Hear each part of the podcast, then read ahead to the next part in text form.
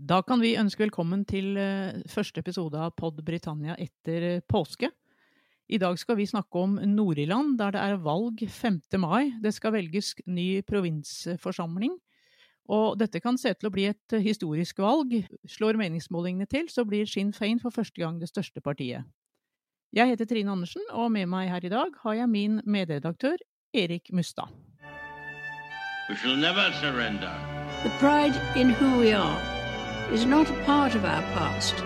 It defines our present and our future. The people of Scotland have spoken. England, Scotland, Wales, Northern Ireland together, taking us forward, unleashing the potential of the whole country. Order!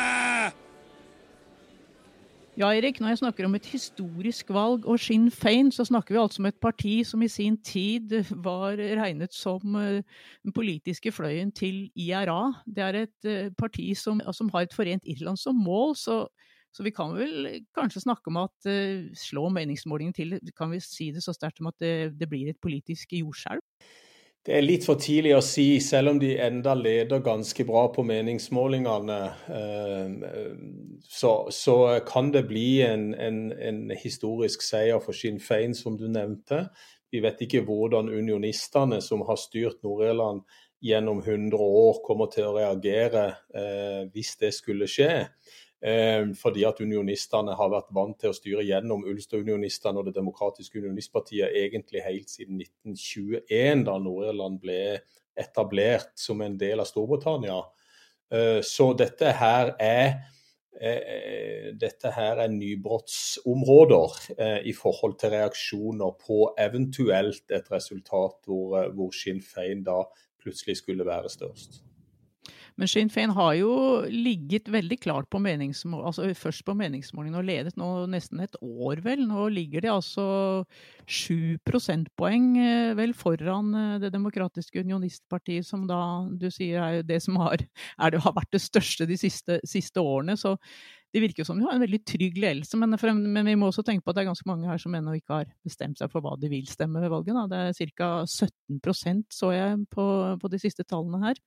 Så hva, hva, tror du kommer til å bli avgjørende da for når de bestemmer seg for om de går og stemmer i første omgang, og hva de vil stemme? Foreløpig så er det jo et flertall av unionister i, eh, i Nord-Irland. Det har uh, gjenspeilt seg i politikken fordi at man har støtta sin side, sin tradisjon. At uh, unionister har stemt på uh, Ulster-unionistene eller Det demokratiske unionistpartiet, mens nasjonalistene, republikanerne, har stemt på SDLP eller Sinn Fein.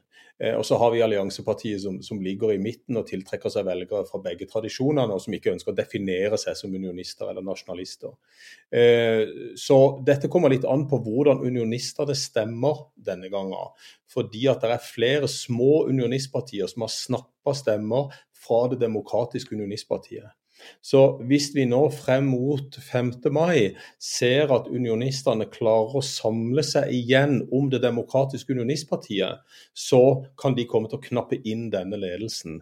Eh, men det er flere små unionistpartier som har tatt en del velgere og, og, har fått en del oppslutninger på disse meningsmålingene, som har gjort at eh, Ulster-unionistene har på mange måter fordelt seg over disse partiene. og Dermed så har Sinn Fein skutt i været, fordi at på nasjonalistisk side så har man eh, samla seg rundt Sinn Fein. Så Det er det som kommer til å bli avgjørende inn mot selve valgdagen. Eh, klarer unionistene å samle seg på samme måte som nasjonalistene har gjort fram til nå. Så det er, det er enda eh, skal vi si, etnisk sånn at unionistene er i flertall i, eh, i Nord-Irland. Og så vet man jo at de blir likere og likere eh, i forhold til å nærme seg 50-50 mellom nasjonalister og unionister. Ja, nå skal vi vel si det at uh, grunnen til at uh, Sinn Fein leder på meningsmålingen, er jo ikke at de har blitt så veldig mye større. For de fikk jo faktisk en 27 oppslutning mm. ved valget for fem år siden også. Ja. Det er vel som du sier at uh, unionisten ikke klarer, klarer, å samle seg om ett parti, men sprer seg på flere, flere partier.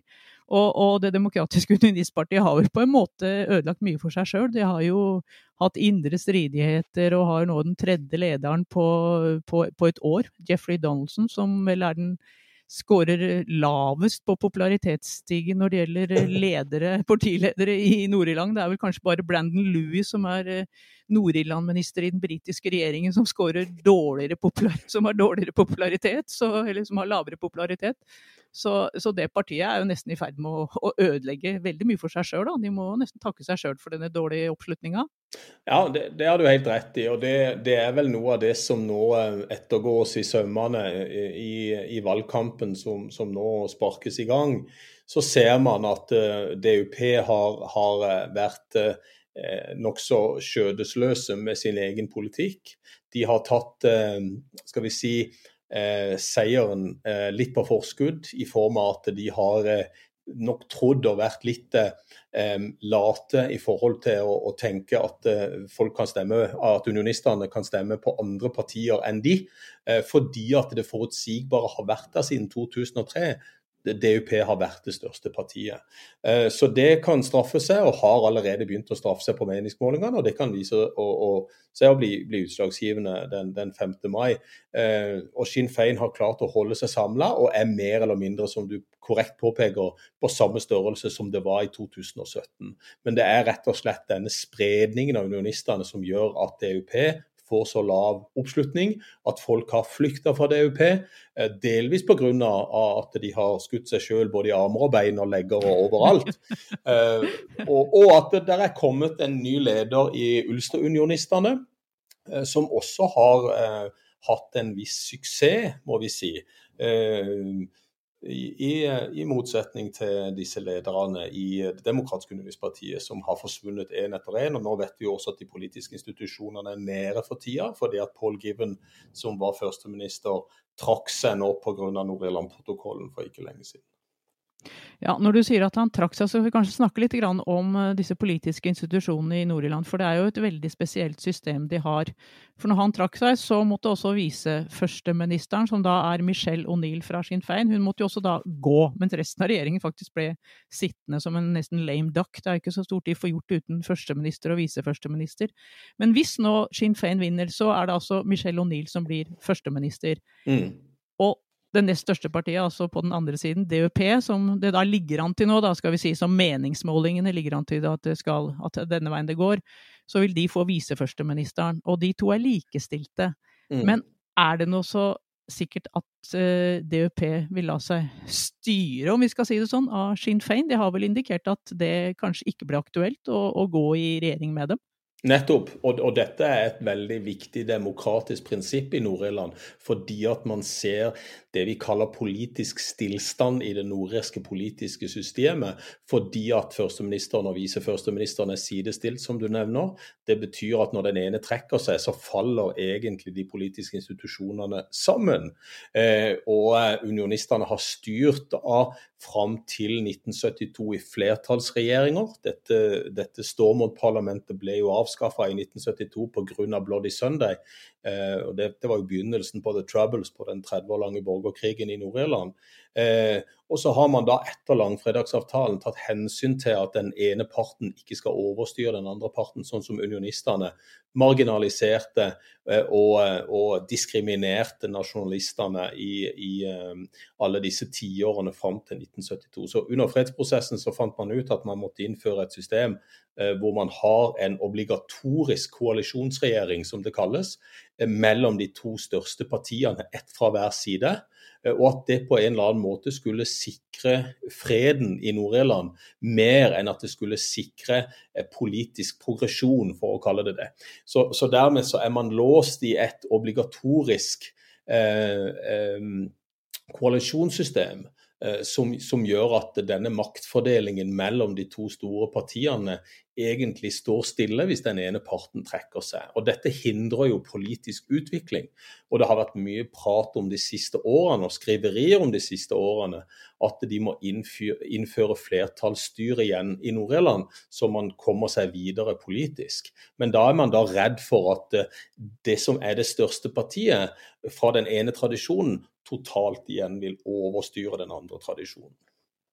Det var jo veldig interessant nå at Aline Foster, som jo da var tidligere førsteminister, hun som var før eh, Paul Given her, at hun var ute nå og, og, gikk ut og sa kanskje er det på tide å tenke nytt nå. at dette, Hun fortalte jo at dette obligatoriske koalisjonsregjeringen som du snakker om, nå er det jo fem mm. partier faktisk i, i, i, den regjeringen som har vært nå. Mm. Hun ga et eksempel fra pandemien hvor hun, hvor hun sa det at uh, hun måtte gå med på mye strengere regler enn hun, enn hun egentlig syntes var forsvarlig, rett og slett. For at det, her må det bare hele tiden være kompromisser. Ja. Det, er ikke, det er som du sier, det gir, det gir stillstand, og det gir litt rare utslag. Ja, og det, det, det, er kompromisser hele veien for at det skal være en konsensusbestemmelse til syvende og sist. Man diskuterer i denne provinsregjeringen bestående av, av ti medlemmer Eh, folkeforsamlingen i Nord-Irland består av 90 medlemmer som da skal velges den 5. mai. Eh, også på bakgrunn av representasjon i folkeforsamlingen, så dannes da denne provinsregjeringen med, med ti medlemmer. Og Nå var det fem partier som du nevnte i provinsregjeringen eh, fram til Paul Given trakk seg som førsteminister og institusjonene falt sammen. Eh, og Da skal man altså tenke at alle disse skal være enige i alle disse beslutningene. Og Det sier seg selv for folk som har ambisjoner politisk i forhold til å drive Nord-Irland videre. Eh, de går lei av dette systemet hvor, hvor du må søke konsensus på, på, alle områder. og Det gjør jo at institusjonene faller sammen til slutt. Men her var det altså eh, vold, det var eh, konflikt, det var drap eh, under borgerkrigen eh, som gjorde at fredsprosessen munna ut i langfredagsavtalen i 1998, hvor man da måtte finne politiske systemer som gjorde at den ene parten ikke ble diskriminert og marginalisert, sånn som nasjonalistene hadde blitt gjennom så mange tiår. Så dette var jo mer et fredshensyn enn et politisk hensyn i langfredagsavtalen. Og Det er derfor Aline Foster sier at det er umulig å styre på denne måten. Man kommer ingen vei, eh, og dermed så må man endre dette systemet som gjør at det bedre gjenspeiler den faktiske situasjonen politisk som Nord-Irland nå eh, befinner seg i. Ja, for Nord-Irland er, er jo den spesielle situasjonen at de da har en provinsforsamling uten en opposisjon. Uten en, mm. altså det, er, det finnes jo ingen opposisjon så lenge, så lenge, alle sitter i regjering. Så det er jo det er et veldig underlig, underlig, system, dette her.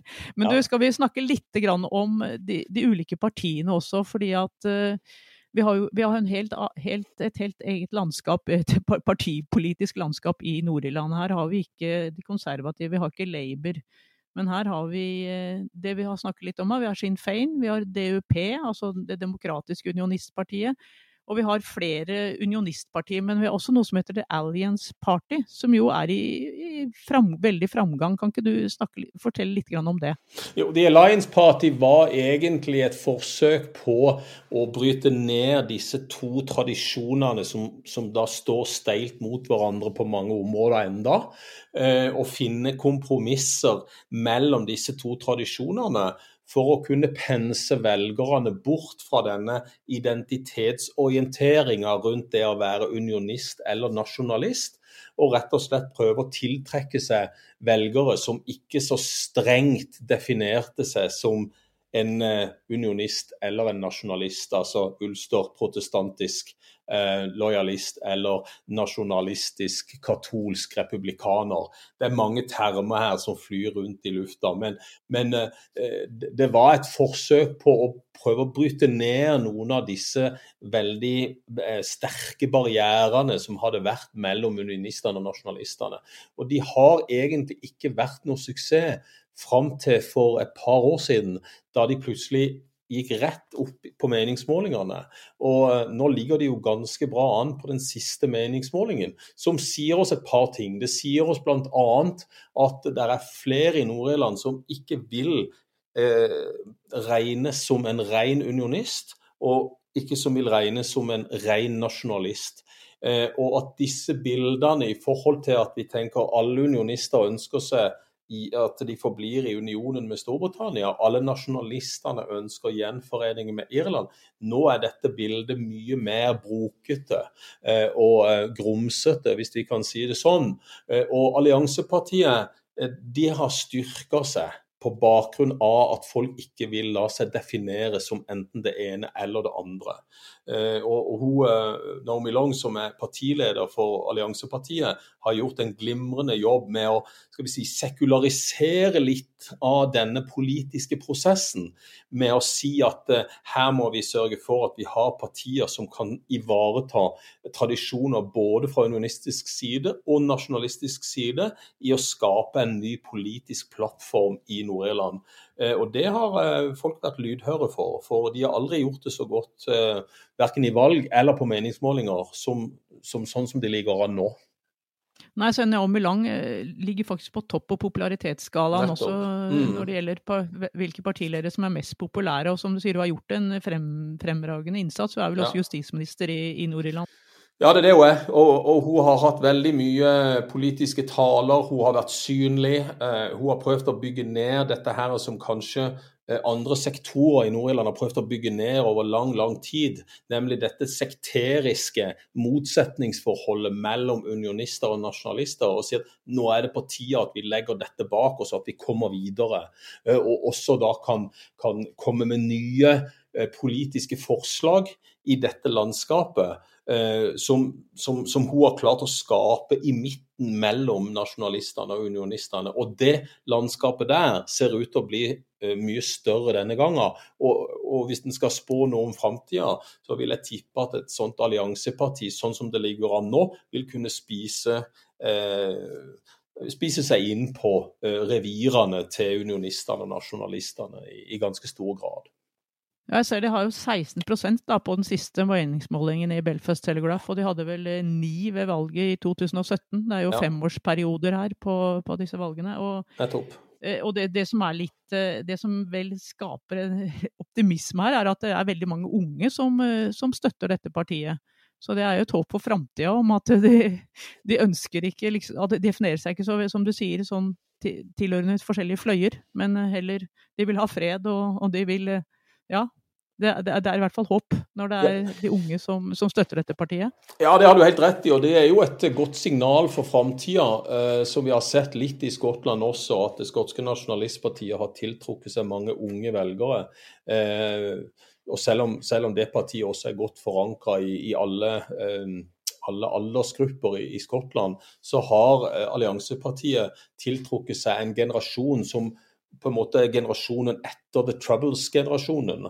Eh, og at det er et ønske i denne generasjonen om at eh, vi ønsker å leve i Nord-Irland i fred og fordragelighet, med, med, en god økonomi, eh, med gode forhold til Irland, med gode forhold til Storbritannia. Vi ønsker egentlig ikke noe mer konflikt, vi ønsker å komme oss videre. Og Da bryter man ut av disse tradisjonelle eh, revirene til nasjonalistene og unionistene og prøver å skape noe imellom her, som det ser ut som å ha lykkes med så langt, iallfall. Du skal snakke litt helt til slutt her, eh, Erik, om det som heter border poll, altså en eh, folkeavstemning om et forent Irland. Hvis det nå går som meningsmålingene tyder på, nå har meningsmålinger i Storbritannia tatt fryktelig feil før, men likevel, hvis, hvis, hvis det går som, eh, som, de tyder på, som de nå har gjort et års tid nå, at Sinn Fein blir det største partiet, rykker da en border poll, altså en folkeavstemning om et forent Irland, nærmere? Jeg vil si Det er to ting som gjør at eh, et forent Irland fra Nord-Irlands side rykker nærmere. Det ene er det som det ligger an til nå, med at Sinn Fein historisk kan bli det største partiet i Nord-Irland. Nå vet vi at Sinn Fein er et stort parti i Irland, eh, og hvis man ser øya under ett, så er Sinn Fein soleklart det største partiet nord og sør. Eh, det er den ene tingen. Den andre tingen er brexit, som har gjort at eh, kortstokken er stokka fullstendig om i forhold til Nord-Irlands plass i den britiske unionen, og eventuelt eh, en mulig gjenforening med Irland. Så brexit har også gjort at handelen fra Nord-Irland er nå mye sterkere mot Irland, fordi at Nord-Irland som det eneste landet etter brexit i Storbritannia enda er med i EUs tollunion. Og Det betyr at der går det fritt med varer fra Nord-Irland og sørover til Irland, mens det er mye større skepsis mellom resten av Storbritannia og Nord-Irland i forhold til fortolling av varer, i forhold til byråkrati. Og Dette er jo den berømte Nord-Irland-protokollen som vi har snakka om tidligere, som regulerer det som en del av brexit-avtalen mellom Storbritannia og, og, EU. Men det vi ser økonomisk, er at etter brexit så har det blitt skapt en en, en all island economy, altså en, en økonomi som, som, er mye sterkere på øya Irland som sådan. Og handel mellom Nord-Irland og Storbritannia er gått vesentlig ned. Eh, og Disse tallene kom nå for ikke så lenge siden, hvor man ser helt klare tendenser på at eh, det er mer og mer handel mellom Nord-Irland og Irland. Mye mer enn det det har vært. Eh, og Dette kan reguleres nå fordi at Storbritannia er ute av EU, mens Nord-Irland er i tollunionen til EU. Så de to tingene, brexit og mulig gjennombrudd for Sinn Fein, det, det vil jeg absolutt si er steg i retning mot at en border poll, eller en folkeavstemning om Nord-Irlands konstitusjonelle fremtid, rykker nærmere. Men nå skal vi helle litt kaldt vann i, i, blodet til alle de som ønsker gjenforening også. For i en eventuell gjenforening så er det ikke bare en meningsmåling i Nord-Irland som vil gjelde, men også en meningsmåling i Irland. Og Det har vi også snakka om før. Her er det under 20% når irrene fikk presentert tallene for hva det vil koste å inkludere Nord-Irland i eh, republikken, da var det eh, ganske kalde føtter blant irrer som så at dette kommer til å føre til økte skatter, at dette kommer til å bli vanskelig eh, økonomisk på andre områder, kanskje at lønningene vil stagnere, prisene vil gå opp. Så eh, før irrene i en meningsmåling fikk presentert tallene, så var det 52% som ønska gjenforening fra irsk side. Men da de fikk presentert den økonomiske situasjonen, så var det altså under 20% som svarte at de da kunne tenke seg en gjenforening med Nord-Irland.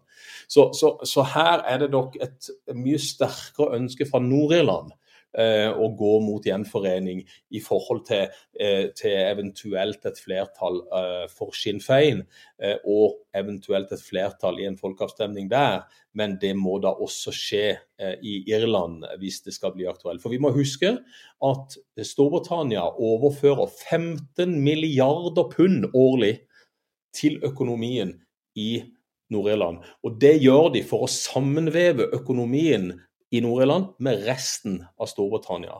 Og Dette kommer til å bli en viktig del av valgkampen nå frem mot valget 5. mai, nettopp fordi at økonomi, i tillegg til det konstitusjonelle spørsmålet, vil være de to viktigste sakene ved valget.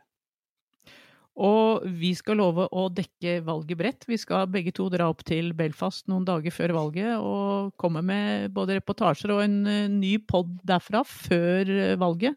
Og selvfølgelig også en oppsummerende podkast når eh, valget er over og vi vet valgresultatet. Så følg med på britiskpolitikk.no og her på Podbritannia.